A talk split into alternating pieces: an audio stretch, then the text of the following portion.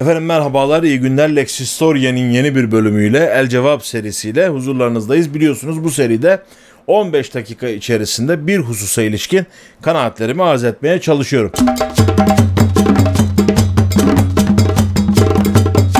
Bugünkü mevzumuz Anadolu rock müziği. Aslında ben bunu daha önceden çekmeliydim. Özkan Uğur'u ve Erkin Koray'ı geçtiğimiz aylarda kaybettik biliyorsunuz. İkisi de Anadolu rock müziğinin çok önemli köşe taşlarından e, ikisiydi. Yani Erkin Koray'a baktığınız zaman zaten aslında ilkleri yapan adamdır. O uzun saçlarla sahneye ilk çıkan ve bundan dolayı bu işin ceremesini de çeken, cefasını çeken adamdır. Hatta yanlış hatırlamıyorsam Barış Manço'nun sözüydü. Uzun saçın cefasını Erkin Koray safasını biz çektik biz sürdük gibilerinden bir e, sözü de olması lazım. Dolayısıyla Erkin Koray öncü bir adamdır ve gerek uyarlamalarıyla gerek orijinal besteleriyle Anadolu rock müziğine çok şey katmıştır. Şimdi bugünlerde eleştiriliyor. Tabii ki bugünün değer normlarıyla değerlendirdiğimiz zaman ya intihal yapmış gibi görebiliriz Erkin Koray'ın bazı parçalarını. Özellikle The Devil's Anvil'in Hard Rock From The Middle East e, albümünden çok sayıda parça almıştır ve Erkin Koray hitlerinin bir kısmı aslında The Devil's Anvil'in besteleridir. Aslında The Devil's Anvil'de Arap coğrafyasındaki yerel müzikleri tekrar ediyor. Mesela bir o yana bir bu yana yatma şaşkın gibi bir parçası vardı ya Erkin Koray'ın. O aslında bir Suriye dapkesidir. Onu Erkin Koray uyarlıyor. Ya da Şaşkın parçası yine The Devil's Anvil'in Karkadon adlı parçasının bir uyarlamasıdır. Bu uyarlamalar tabii ki o dönemde normal görülüyordu. Yani baktığınız zaman Fecri Ebcioğlu diye bir isim vardır bizim müzik yakın tarihimizde.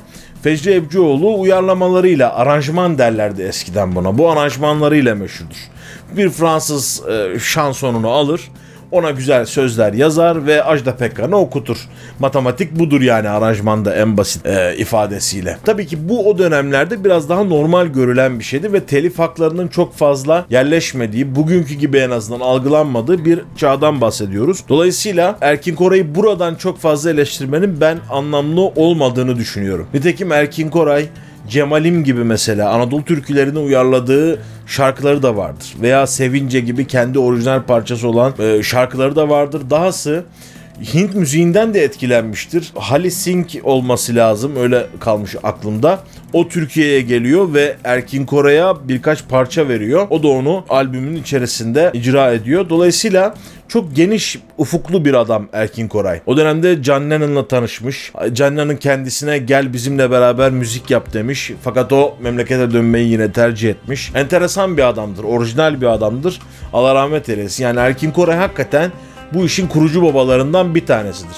Özkan Uğur da farkında olmasak da o dönemin Ter gibi, Kurtalan Express gibi, Dostlar Orkestrası gibi o dönemin en temel müzik gruplarının hemen hepsinde bas gitarıyla yer almış bir adam. Biliyorsunuz MFÖ 80'lerden sonra ortaya çıkmış bir müzik grubu. Daha veliyatı var. Beraber 71'den itibaren MFÖ grubu birlikte müzik yapıyor. Hatta Fuat'la Özkan Ferhan Şensoy'un grubunun içerisine dahil oluyor ve onun tiyatrolarında mesela bizim çok bildiğimiz Ele Güne Karşı parçası aslında Şahları da Vururlar piyesinde okunan parçalardan bir tanesi. Bu oyun Ferhan Şensoy'un son olarak sahneye koymak istediği bir oyundu aslında. Ömrü vefa etmedi. Onun vefatının ardından orta oyuncular şu anda Şahları da Vururları tekrardan sahneye koydular, oynuyorlar. E, biliyorsunuz e, Beyoğlu'nda. Oraya da giderseniz bu parçanın orijinal sözleri nasılmış onu da orada dinleyebilirsiniz demiş olayım. Dolayısıyla beraber hep müzik yapıyorlar 71'den itibaren ama 80'lerden sonra ortaya çıkıyor. Dedik ya Anadolu rock müziğinin birden fazla temel unsuru var. Bunlardan bir tanesi elbette o dönemde yükselişte olan Avrupa ve Amerika'da yükselişte olan müzik. O da şudur. Rock müziği ve psikodelik müzik. Beatles'larla, Led Zeppelin'lerle, Yes grubuyla, ortaya Rolling Stones'la ortaya çıkan bir müzik tipi var. Bu müzik tipi çok seviliyor ve bizde de mesela Cem Karaca'ların, Barış Manço'ların, Erkin Koray'ların ilk okudukları parçalar genelde bu grupların parçalarının aranjeleri ya da doğrudan onların okunması şeklindedir. Yani böyle şöhret bulmuşlardır. Gençliklerinde sahneye çıkıp İngilizce olarak bu parçaları icra ediyorlar. Hatta Fuat'la Mazhar'ın tanışmasında da öyle bir hikaye var. Koltuğun altında Beatles albümü görüyor yanlış hatırlamıyorsam Fuat. Ve Mazhar'a diyor ki gel beraber dinleyelim bizim evde diyor. Beraber tanışıyorlar ve onu beraber dinliyorlar vesaire öyle bir dostluk başlıyor 60'ların başında. Gençlerin böyle bir eğilimi var yani o dönemde Avrupa müziği, Amerika müziği çok iyi takip ediliyor. Bir ikinci unsur da 60'lı yıllarda dünyada bir siyasallaşma pozisyonda var açıkçası. 68 kuşağı hedefleri olan bir kuşak ve çoğunlukla gençlik hareketlerinin içerisinde yer alan bir kuşak. Bunlarda barışçıl temayüller olduğu gibi devrimci sosyalist diyebileceğimiz temayüller de var. Dolayısıyla böyle bir toplumcu karakter de o dönemin müziğini etkiliyor.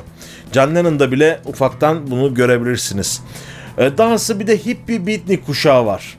Yani siyasallaşma ile birlikte aslında bütün toplumsal normlardan soyutlanmış, kılık kıyafetiyle pek böyle dress code'a uymayan, yani işte grand tuvalet görünmeyen, hırpani görülen, bizim biraz kalenderi dervişlerine benzetebileceğimiz tipte insanlardır bunlar ve bunların en önemli hususiyetlerinden bir tanesi de Doğu ile Batı arasında bir sentez arayışlarıdır. Bu uğurda mesela Hindistan'a giden belirli gurulara kapılanan çok sayıda hippi vardır.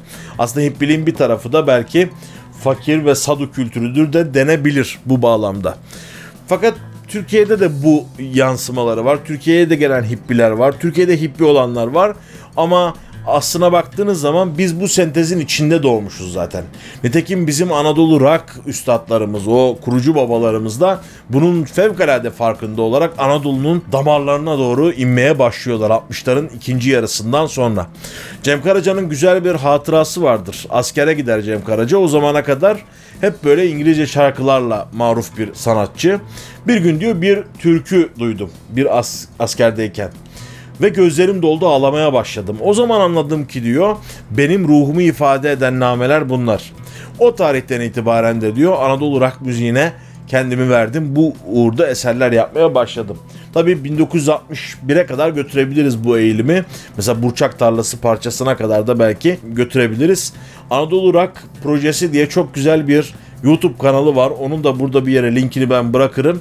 Bu videodan sonra açın o bütün Anadolu Rock macerasını orada takip edebilirsiniz. Çok orijinal şeyler var. Mesela Türkiye Petrolleri Anonim Ortaklığı Batman Orkestrası diye bir grup var. Yani Batman'da 1960'larda o yoklukların Türkiye'sinde ne kadar kaliteli müzik yapılabildiğini görüyorsunuz. Ve bugün aslında neleri kaybettiğimizi de o projenin içerisinde, o arşivin içerisinde biraz fark edeceksiniz diye düşünüyorum. İşte Anadolu Rock bu sac ayakları üzerinde doğuyor ve 60'ların ikinci yarısından sonra gençlik kültürünü etkiliyor mutlaka.